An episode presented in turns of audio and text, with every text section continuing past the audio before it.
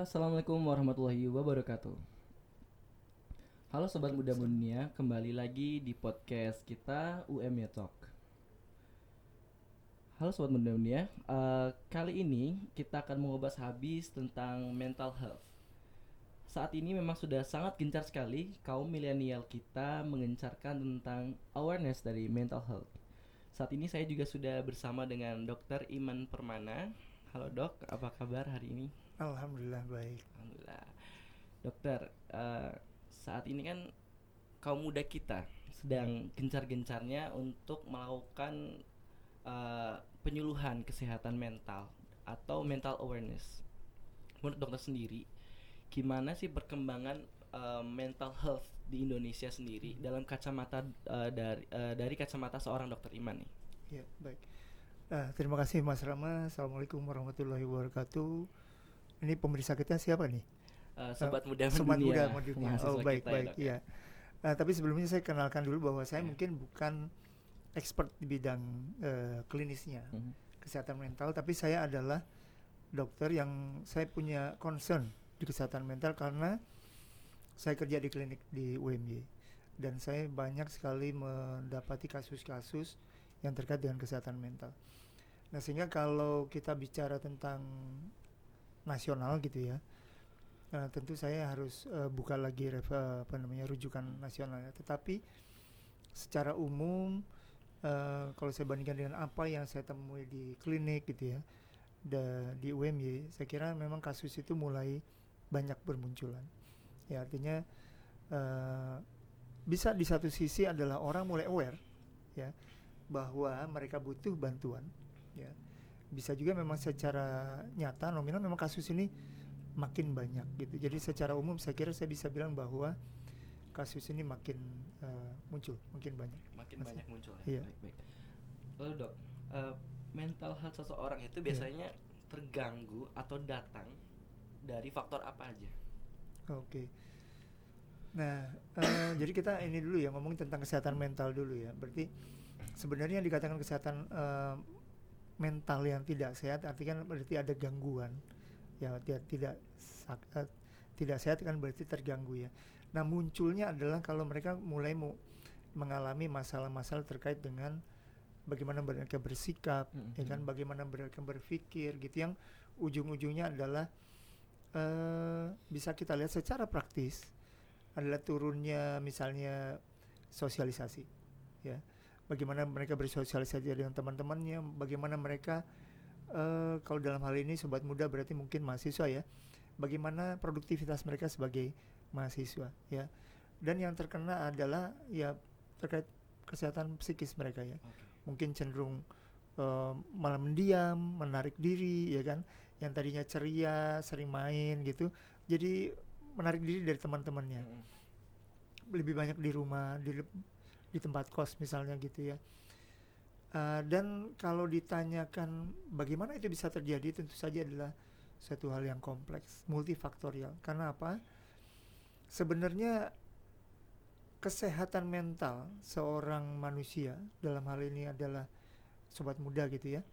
Itu kan merupakan uh, aksi reaksi, hmm. ya kan? Hmm. Aksi reaksi itu bagaimana mereka menerima uh, misalnya tantangan dari luar. Ya, dan itu dipengaruhi oleh juga persepsi dirinya. Persepsi diri. Persepsi diri. Bahwa aku orang yang sehat aku orang yang mampu gitu ya. Misalkan apa saja yang aku terima aku hadapi aku bisa menghadapinya. Bisa tuh dan bukan berarti bahwa dia mesti bisa menyelesaikan masalah itu tetapi dia bisa mencari keseimbangan misalkan gitu. Oh oke okay, ternyata aku belum berhasil misalkan menerima suatu tantangan itu tapi aku terima itu aku hadapi ini sebagai ujian misalnya untuk ke depannya bisa lebih baik lagi nah persepsi itu tentu saja dipengaruhi oleh banyak hal. Ya, bagaimana dia uh, tumbuh dari kecilnya misalkan. Bagaimana dia mendapatkan sosok uh, seseorang bisa dijadikan teladan. Oh, seperti itu loh. Ternyata contohnya uh, orang itu bisa menghadapi suatu masalah. Bagaimana ternyata menghadapi suatu masalah dengan baik itu seperti itu contohnya. Dan contoh itu bisa didapatkan dari keluarga terdekat, ya kan? Bisa dari teman-temannya juga gitu. Nah, saya kira ya saya kira memang tidak bisa kita sebutkan satu hal ya. Hmm. tapi banyak hal yang bisa berpengaruh ke dalam uh, kesehatan mental itu bagaimana seorang uh, remaja gitu dalam hal ini bisa uh, menghadapi itu dengan baik gitu. Mm-hmm. Oke, wah menarik sekali berarti dok ya. Lalu dok, um, ada sebagian orang juga yang dia Hmm. itu sebenarnya maaf mentalnya lagi dalam keadaan yang tidak baik. Iya.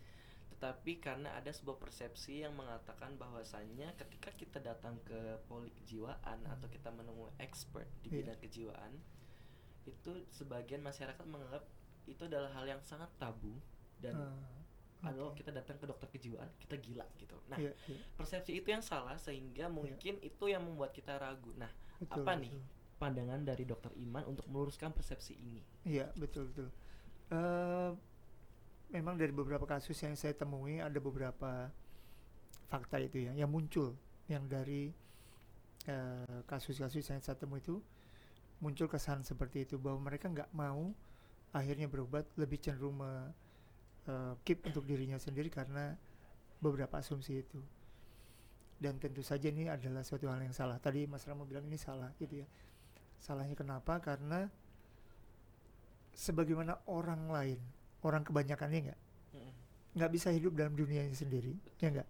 Saya seorang eh, dosen saya butuh bantuan asisten misalkan saya butuh bantuan mahasiswa ya. Jadi itu hal yang umum sebenarnya. Eh, hal yang umum untuk bisa mendapatkan bantuan dari siapa pun. Nah dalam hal ini eh, yang terjadi adalah maksudnya fokusnya adalah kesehatan mental ya. Nah kenapa dalam hal ini kok perlu bantuan orang lain? Pertama bantuan itu bisa berupa ya sekedar teman sharing gitu ya. Sekedar teman sharing. sekedar ya, teman ya? sharing oke. Nah masalahnya adalah eh, tidak semua teman sharing itu juga bisa memberikan solusi yang pas ya kan? Oke lah sebagai pendengar yang baik oke bisa. Tetapi bagaimana benar memberikan solusi? Nah kadang ada satu titik di mana seseorang yang sudah terlatih gitu ya kan? Itu bisa memberikan solusi yang lebih baik ya. Bisa lebih bermanfaat gitu. Nah ini yang mungkin harus dipahami bahwa sebagaimana sakit yang lain ya kan? Kita demam batuk pilek kita bisa beli obat dulu se- sendiri ya nggak? Mm. ke apotek dulu gitu atau minja, eh, minta ke teman dulu paracetamolnya tuh minta dong gitu bisa. Nah sebagaimana juga dengan hal seperti itu kesehatan mental pun bisa juga kita mulai dengan misalnya sharing dengan teman ya. Tetapi kita harus punya batasan. Kapan kita akan butuh bantuan yang lebih jauh ya. Batasannya itu ya kita bisa rasakan sendiri misalnya kalau kok ternyata dari hari ke hari kok saya makin merasa nggak enak ya? Kok saya makin nggak ada kemajuan nih? Kemajuannya apa? Saya makin nggak bisa fokus sebagai mahasiswa saya nggak bisa belajar dengan baik nggak bisa mengerjakan tugas nggak bisa dengerin kuliah karena mesti kok distract terus gitu artinya itu belum berhasil kita harus nyari pertolongan yang lain. Lalu dok, em, ketika eh, kita atau oh ya ini aja dulu, ketika ada teman kita yang memang keadaan mentalnya kurang baik, Iya. kita sebagai seseorang yang awam, Iya. apa yang harus kita lakukan dok? Ya, eh, beberapa kali saya nanya ya, sebenarnya apa sih yang mereka butuhkan dari orang lain, gitu. Kadang hanya sesimpel mendengarkan, Sesimpel mendengar. sesimpel mendengarkan. Karena sebenarnya kan orang yang punya masalah itu kayaknya banyak pikirannya, ya enggak? Banyak beban dalam pikirannya gitu, yang bingung nih mau mengeluarkannya seperti apa. Jadi eh, kalau menurut saya itu sesimpel kita menjadi gelas kosong. Sesimpel menjadi kelas kosong. Ah. Gimana tuh dok? Nah, artinya kita bersedia menerima Oh, tumpahan. Nah, begitu juga maksudnya kenapa kok sesimpel gelas kosong? Karena kita nggak boleh penuh dulu dengan pikiran kita nih. Iya nggak? Kalau kita mau menerima curhatan orang lain, tapi kita punya isi, ya nggak? Seperti kopi saya ini isinya lagi separuh nih. Hmm. Kalau saya punya pikiran masih separuh, artinya asumsi saya sudah separuh tentang masalah dia, tentu saja saya nggak bisa menerima full hingga apa yang dia ucapkan.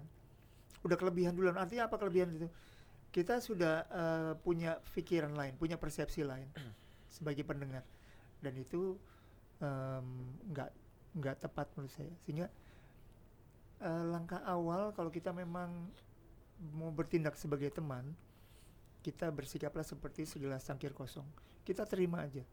Kita posisikan kita sebagai pendengar yang aktif. Artinya apa? Kita dengarkan dia ya tanpa harus judgmental, tanpa harus judgmental tanpa harus judgmental. tanpa Nggak harus boleh. Judgmental. ya. Jadi terima saja. Dengarkan dia karena itu kadang-kadang itu yang paling dibutuhkan. Oke. Ya. Oke oke dok. Nah, dokter, lalu bagaimana kalau diri kita sendiri yang Hmm. mengalami hal tersebut, Iya. mengalami dalam artian keadaan mental kita kurang baik. Iya. Kadang kita juga bingung bagaimana kita merilis stres atau bagaimana kita nih ngeluarin sesuatu yang ada di dalam ini. Nah, Iya, untuk untuk eh, setiap sobat muda mundurnya mungkin yang sekarang maaf keadaan mentalnya lagi kurang baik, apa yang bisa kita lakukan dok Iya. untuk setidaknya mengurangi beban yang ada di kepala atau unek-unek di hati. Iya. Wah, sekarang ini pertanyaan paling susah ya. Kenapa? Karena eh, pertama tidak ada seorang pun di dunia ini yang tanpa masalah mental. Levelnya tergantung, tapi ada yang ringan, ada yang tinggi. Nah itu eh, sehingga bagaimana kita mensikapinya, copingnya itu adalah yang paling penting. Bagaimana copingnya ya? Betul. Bagaimana? Nah, yang kedua, eh masalah ini kan akumulatif, ya enggak? Hmm. Dia akan terbangun dari begitu panjangnya rentang kehidupan orang itu, ya enggak? Karena mesti orang tuh akan menghadapi cobaan tuh dari ya udah lah, Bermacam-macam ya enggak. Nah, se- se- em, yang membedakan adalah ada orang yang menganggap mas masalah itu besar banget gitu loh. Ya enggak? Padahal enggak gitu. Padahal bukan buat- bukan padahal enggak, tapi orang lain Oke. menganggap itu kecil. Kecil. Oh Iya. ya. Jadi tidak ada masalah dengan eh, salah dan benar. Artinya, kok kamu anggapnya gede banget sih? Padahal itu kan kecil. Bukan masalah itu, ya enggak. Buat dia memang besar, karena memang persepsi dia yang dipengaruhi oleh bagaimana dia tumbuh di lingkungannya menganggap itu besar. Nggak masalah sebenarnya. Buat dia itu besar nggak masalah. Tapi bagaimana copingnya sekarang yang penting.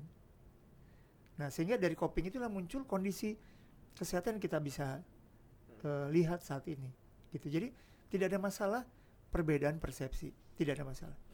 Nah eh, kembali kalau misal penanganannya nih, tentu saja penanganannya memang tidak simpel. Pertama, secara prinsip ya ada dua penanganannya. Pertama yang jangka pendek, ya. Yang keduanya jangka pandang, panjangnya. Artinya jangka pendek itu begini. Pada saat suatu s- seseorang menghadapi eh, tekanan yang berat, yang kemudian munculnya sebagai adalah, waduh kok aku bingung segala macam. Hmm. Jangka pendeknya adalah bahwa dia harus menangani sekarang itu, Hmm. copingnya sekarang, ya. Nah caranya bisa dengan macam-macam, ya. Ada orang yang eh, pada saat itu ya tenang dulu deh. Oke kita putuskan dulu eh, hubungan dengan eh, lingkungan, ya kan? Kita menepi dulu. Artinya dengan itu tuh kita tuh kayak membracket, kayak mengkerangkeng masalah itu lebih jelas. Nah ada satu cara yaitu mindfulness Mindfulness. mindfulness thinking ya. Artinya mindfulness apa? Kita sadari, oh aku lagi nggak lagi masalah nih, ya kan? Aku kok tiba-tiba merasa deg-degan gitu ya, Eh, denyut jantungnya berdebar-debar, keringat dingin. Oh, aku udah masalah. Kita hadapi, kita terima dulu, kita embrace dia dulu, gitu. Karena dengan itu kita akan lebih menerima. Masalahnya kalau ada masalahnya dengan eh, kesehatan mental itu sehingga dia munculnya adalah mungkin ketidaktenangan, ansietas karena kita masih eh, apa ya masih menganggap itu masalah, masih ada gapnya. Kita belum bisa menerima, gitu. Kalau kita udah bisa menerima itu masalah, kita akan lebih tenang. Kita terima dulu aja. Oh aku lagi nggak enak nih, ya udah nggak apa-apa, aku terima dulu. Bisa dengan atur nafas, misalnya ya, lebih panjang, diem. Orang lain mungkin bisa tambah zikir, misalnya. Tapi yang penting adalah kita terima dulu, kita hadapin itu dulu. Nah, banyak eh, bukti-bukti menunjukkan orang dengan mindfulness itu, ya, dengan em, awareness yang tinggi bahwa dia sedang ada masalah itu, akan membantu stress release Oh. membantu stress release ya. Dia akan lebih tenang denyut jantung akan lebih uh, turun yang tadinya deg-degan akan berkurang gitu ya. Akan lebih tenang. Nah itu jangka pendeknya ya. sehingga uh, dengan situ kita tangani dulu itu. Nah kemudian jangka panjangnya nah itu tergantung bagaimana kita ingin kita menghadapi. Kalau saya sebagai seorang apa praktisi misalnya di kesehatan itu kita ada konseling ya ada konseling konseling itu apa sih konseling itu tujuannya ujung-ujungnya adalah bagaimana terjadi pemberdayaan. Terjadi pemberdayaan. Pemberdayaan ya. Pemberdayaan itu artinya apa? Uh, ya saya boleh bilang pasien lah ya. Hmm. pasien itu pada akhirnya tahu ya apa yang dia inginkan dengan dirinya. Alternatif solusinya apa? Dan dia bisa menentukan alternatif apa yang paling baik buat dirinya. Okay. itu aja dia tahu apa kondisi yang dihadapi, dia tahu alternatif solusi, dan dia bisa milih dengan kesadaran penuh dirinya, ya itu alternatif saya yang terbaik. Nah kita sebagai uh, praktisi itu hanya membuka wawasan dia, ya ada namanya uh, eh, CEA, ya konsep konseling itu ada CEA. CEA itu katarsis, edukasi, dan action. Educate dan action. Katarsis itu kita keluarkan kita bantu dia mengeluarkan semua persepsi dia semua unek-uneknya dia gitu ya. Oh aku kenapa kok gini-gini? Nah kemudian setelah dia keluar gitu kita bisa dapat gambaran yang utuh. Dan dia juga harapannya kemudian paham oh oh gini ternyata aku tuh kayak gini ya gitu. Karena kadang-kadang semua kan masih di pikiran ya. Nah, jadi belum tergambarkan belum termunculkan secara objektif gitu loh. Nah kemudian kita masukkan edukasinya ya bahwa misalnya yang tadinya pengen suicide gitu ya merasa bahwa di persepsi dirinya harga dirinya rendah gitu ditunjukkan loh apa yang membuatmu seperti itu? Kamu nggak seperti itu. Kita educate itu artinya kita tingkatkan apa yang tadi pemahaman masih jelek itu kita angkat karena memang seperti itulah hmm. kondisinya. Baru kita action. Action itu apa? Kita minta dia menentukan solusi alternatif yang baik buat dirinya berarti si penyintas ini yang menentukan solusi terbaik buat betul diri mereka. betul karena ujung-ujungnya adalah konseling itu adalah pemberdayaan Benar. karena kan kita nggak bisa mendampingi terus menerus ya nggak nggak bisa pendampingan terus menerus sehingga dia yang harapannya adalah yang lebih aktif hmm, nanti lebih aktif iya.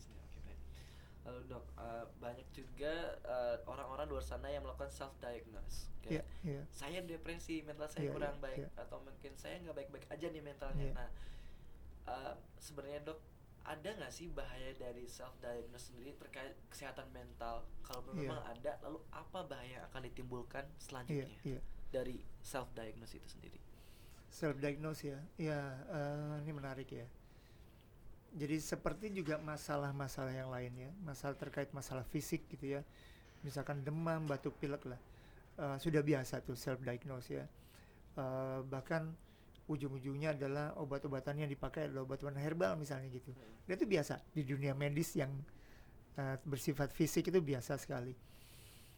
Uh, tetapi kalau yang di masalah mental ini, nah sebenarnya ya sudah biasa juga. Sebenarnya sudah biasa. Sudah biasa juga, juga self diagnosing ya. Karena paling tidak pada saat kita merasa bahwa kita sedang tidak apa-apa, hmm. itu kan sebenarnya tahapan dari self diagnose begitu kan ya.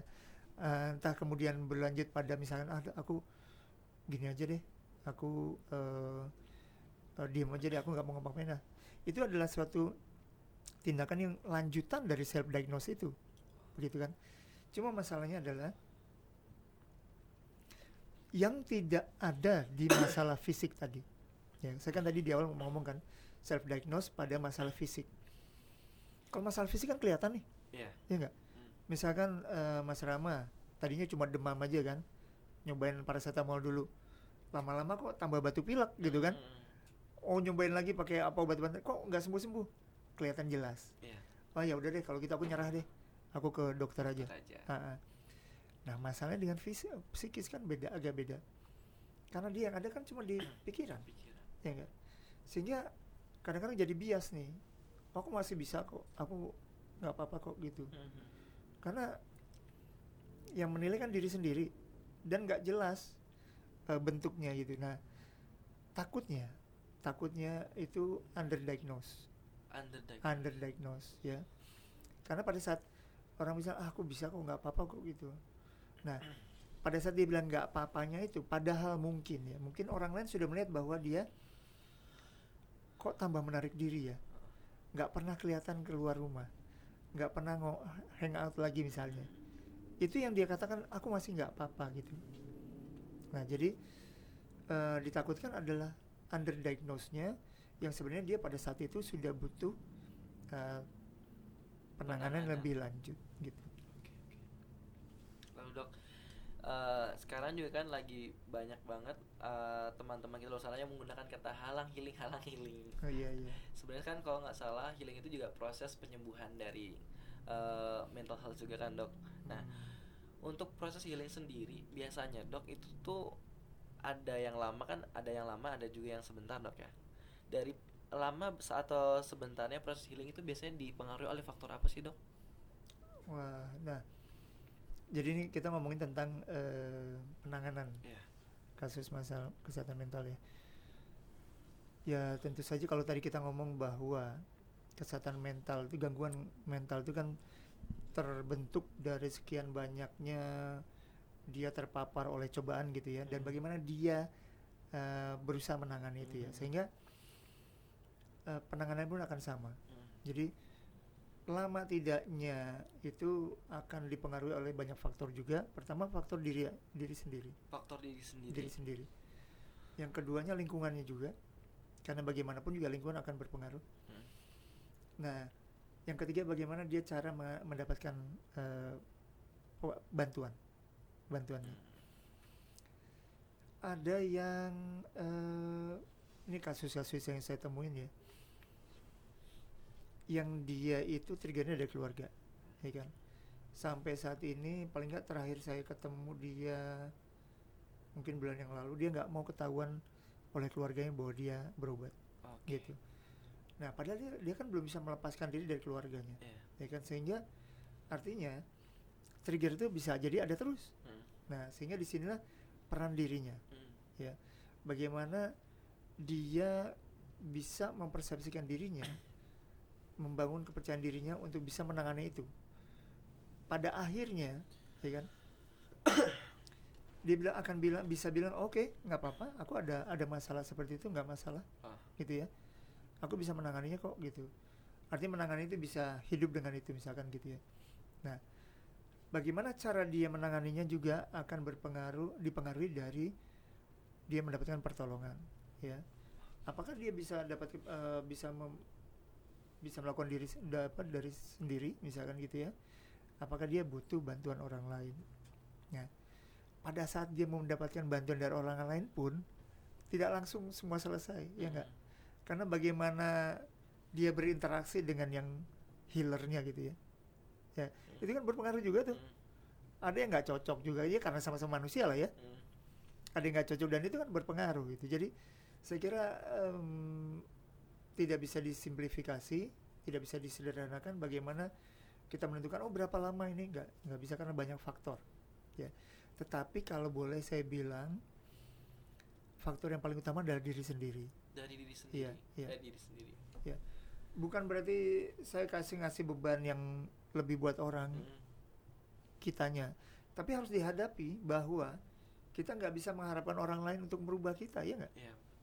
kita nggak bisa mengharapkan orang lain untuk berubah ya nggak misalnya nih misalnya kalau masalahnya itu dari orang lain gitu ya ngebully misalnya kita kita udah bilang-bilang jangan boleh gitu ya dia tetap misalnya dengan perilakunya masing-masing seperti itu Hmm. ya sudah gitu nah artinya apa kita harus memperkuat diri sendiri sama seperti kita memperkuat imun ya terhadap uh, gempuran covid misalnya gitu Hmm. ya kan ini kita yang harus berusaha di sini menurut saya seperti itu. Kalau dok ini ada pertanyaan dari sobat muda, muda mendunia kita dok. Eh, dok saya mau nanya, bagaimana sih menumbuh- menumbuhkan rasa percaya diri terhadap diri sendiri itu? Karena dulu saya pernah mengalami bullying berkepanjangan sehingga saya tidak percaya dengan diri sendiri, saya bakal minder untuk ketemu orang lain. Kira-kira gimana dok tuh jawabannya? waduh ini ini bener pertanyaan Iya, dari ini ya? Ada ada pertanyaan dok. Em, saya nggak bisa bayangkan ya. Artinya eh, jawaban yang singkat ini akan bisa, eh, walaupun saya bisa berharap seperti itu ya. Ini kan karena sudah lama eh, proses bullyingnya ya. Tapi eh cobalah mencari teman yang baik. Ya, artinya mungkin sekarang eh, kamu bisa belajar dari diri sendiri dulu. Artinya kita bisa belajar dari orang lain ya bagaimana dia belajar meng, apa, keluar dari bullying ya.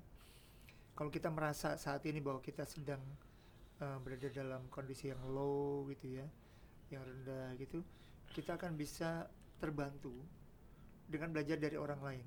Yang teman yang positif tapi ya. Jadi kita coba cari lingkungan yang positif deh. Cari lingkungan yang positif. Cari lingkungan yang positif. Karena kita butuh bantuan itu. Kalau menurut saya kalau kondisinya seperti ini ya kita banyak baca-baca ya mungkin banyak eh, di IG lah atau mungkin juga novel-novel gitu ya yang terkait pengalaman orang bagaimana belajar menghadapi bullying Hmm. ya Eh, dan itu harapannya bisa membentuk persepsi diri gitu ya atau film oh, Iya kan? oke. kan ada film apa tuh yang eh, film Indonesia kalau nggak salah tuh Eh, yang lagunya Firsa besar besar itu Eh, imperfect ya kalau nggak salah itu ya, ya oke lah itu katakanlah itu film ya. Tapi artinya kita bisa belajar dari situ dari ya. situ ya. Uh, dari banyak hal gitu. Jadi menurut saya kita coba pertama cari lingkungan yang baik ya. Kalau misalkan kamu lihat bahwa oh saya coba eh, apa masuk komunitas tertentu ya. Ternyata masih ada yang ngebully udah keluar aja nggak usah nggak usah ragu-ragu gitu. Artinya dari pihak kamu kamu harus punya pertama niat dulu ya. Niat dulu keinginan yang kuat bahwa saya harus sembuh saya ini nggak seperti itu saya mau sembuh cuman saya saya harus mencari lingkungan yang baik Hmm. sehingga kalau ada lagi yang seperti itu udah tinggalin aja lah kalau ada teman-teman yang masih bullying kayak gitu udah tinggalin nggak usah nggak usah diikutin lagi nah terus belajar dari bagaimana orang lain menghadapinya. Ada lagi nih dok. Ini terkait self harm. Hmm. Eh, dok, saya mau nanya. Saya susah sekali untuk lepas dari self harm. Ketika sesuatu mendatangi pikiran saya, saya sangat senang sekali melukai diri sendiri. hmm. Saya tahu itu salah, namun saya sangat susah untuk lepas dari itu. Iya, iya. Kira-kira ada tidak solusi dari dokter untuk saya terkait self harm, self harm yang saya alami? Aduh, ini juga berat juga ya. Em, tentu saja mesti gangguan ini terjadi ya akumulatif juga ya. Tetapi sebenarnya coba deh kamu mikir deh. Apa sih yang keuntungan apa gitu ya yang diambil dari situ? Oke, mungkin ada rasa yang terpuaskan gitu karena dengan ini aku bisa menumpahkan rasa kesalahanku misalkan seperti itu ya. Yang saya bilang yang saya bisa bilang nih pada kondisi ini malah saya justru mau nanya sama yang bertanya ini seberapa besar keinginan dia buat sembuh kalau bisa dia langsung jawab sekarang ya pertama itu seberapa besar keinginan dia buat sembuh yang kedua seberapa penting menurut dia bantuan orang lain oke. kalau dia bilang besar sekali keinginan dia buat sembuh yang kedua penting sekali ada bantuan orang lain yang ketiga makanya menurut saya harus mencari bantuan profesional. Karena terus terang menurut saya eh, pada saat ini tahapan ini menurut saya mungkin itu yang dibutuhkan Oke, oke. selain tentu saja em, teman curhat boleh ya teman curhat boleh tetapi pada saat kondisi ini sambil menunggu jawaban dia ya Hmm. menurut saya adalah butuh bantuan profesional Betul, betul. Masalahnya. Pertanyaan ketiga dok. Hmm. Saya sering kali dibohongi oleh keluarga saya, bahkan pasangan saya dan orang-orang terdekat saya. Saya tidak mudah percaya begitu saja Hmm. kepada orang lain. Apakah ini termasuk sebagai salah satu masalah mental yang saya alami? Jika iya, apa solusinya agar saya bisa mendapatkan rasa kepercayaan itu terhadap orang lain ataupun orang-orang terdekat di sekitar saya? Wah, iya. Padahal orang terdekat ya, Mm-mm. keluarga, pasangan itu kan adalah ya terutama keluarga ya. Itu kan sebenarnya em, tempat di mana kita bisa menumpahkan semua ide perasaan ya enggak Eh, aktualisasi diri itu di keluarga sebenarnya. Eh, walaupun sebenarnya saya perlu menggali kenapa sih kok bisa sampai dia dibohongi ya. Tetapi sampai kemudian bahwa dia tidak mudah percaya pada orang lain itu ya memang saya kira bisa dimengerti ya tidak mesti ini adalah menjadi suatu kelainan mental ya Hmm. kalau menurut saya tidak Hmm. tapi ini mungkin memang akumulasi dari kekecewaan yang begitu banyak ya Berarti karena sering dikecewakan ya. betul ya nah kita bisa bilang bahwa ini adalah gangguan kesehatan mental kalau ini begitu membebani artinya eh, produktivitas dia berkurang Hmm.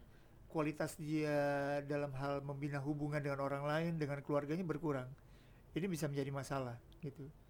Nah sehingga eh, mungkin alternatif solusinya memang harus apa ya harus kembali ke akar masalahnya. Kalau dia memang masalahnya itu adalah ke kekecewaan terhadap keluarga memang itu harus di harus di apa namanya diperbaiki itu. Ya karena itu kan sumbernya tuh. Mhm.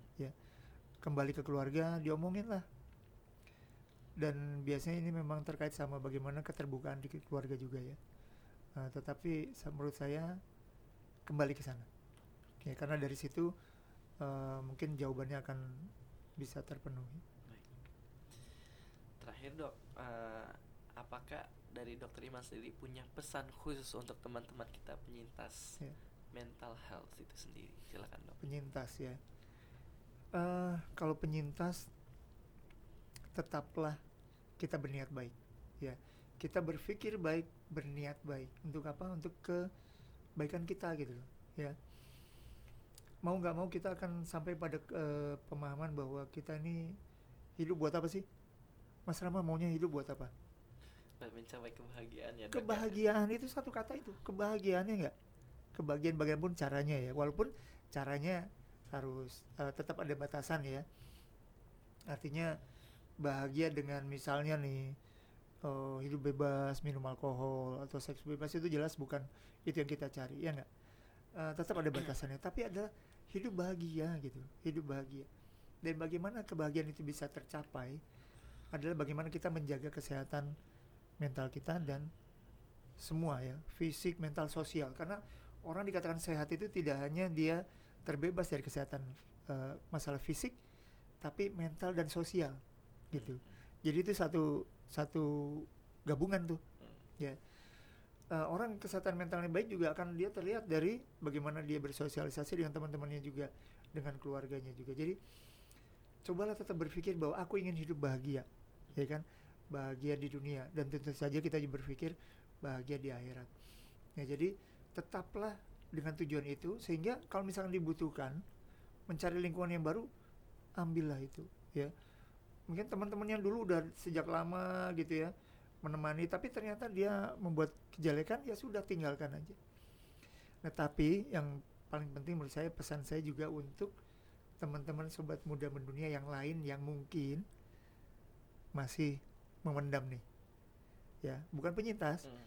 tapi belum mau muncul ya.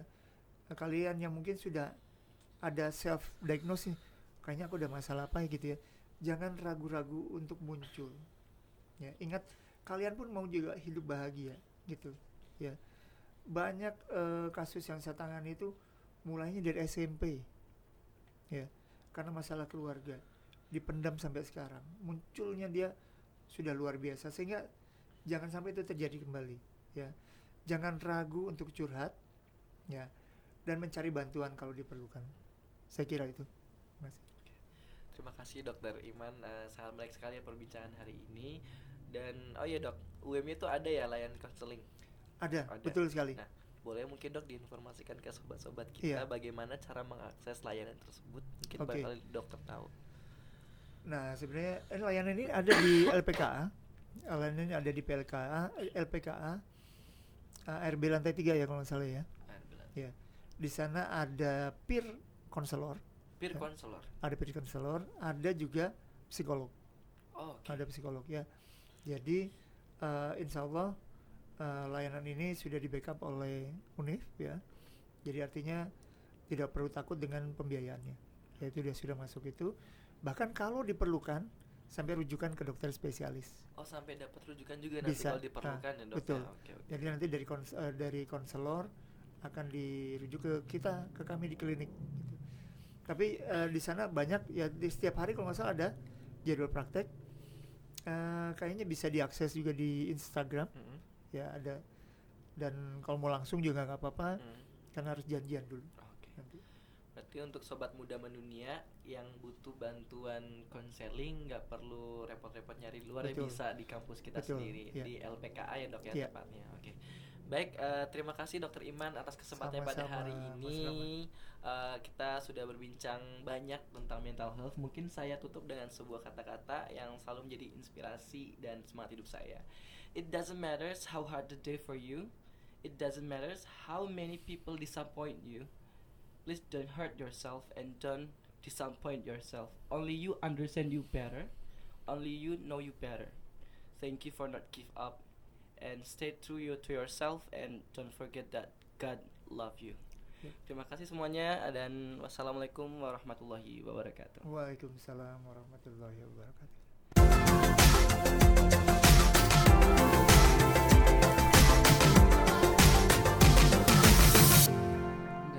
Jadi sebelum take apa namanya?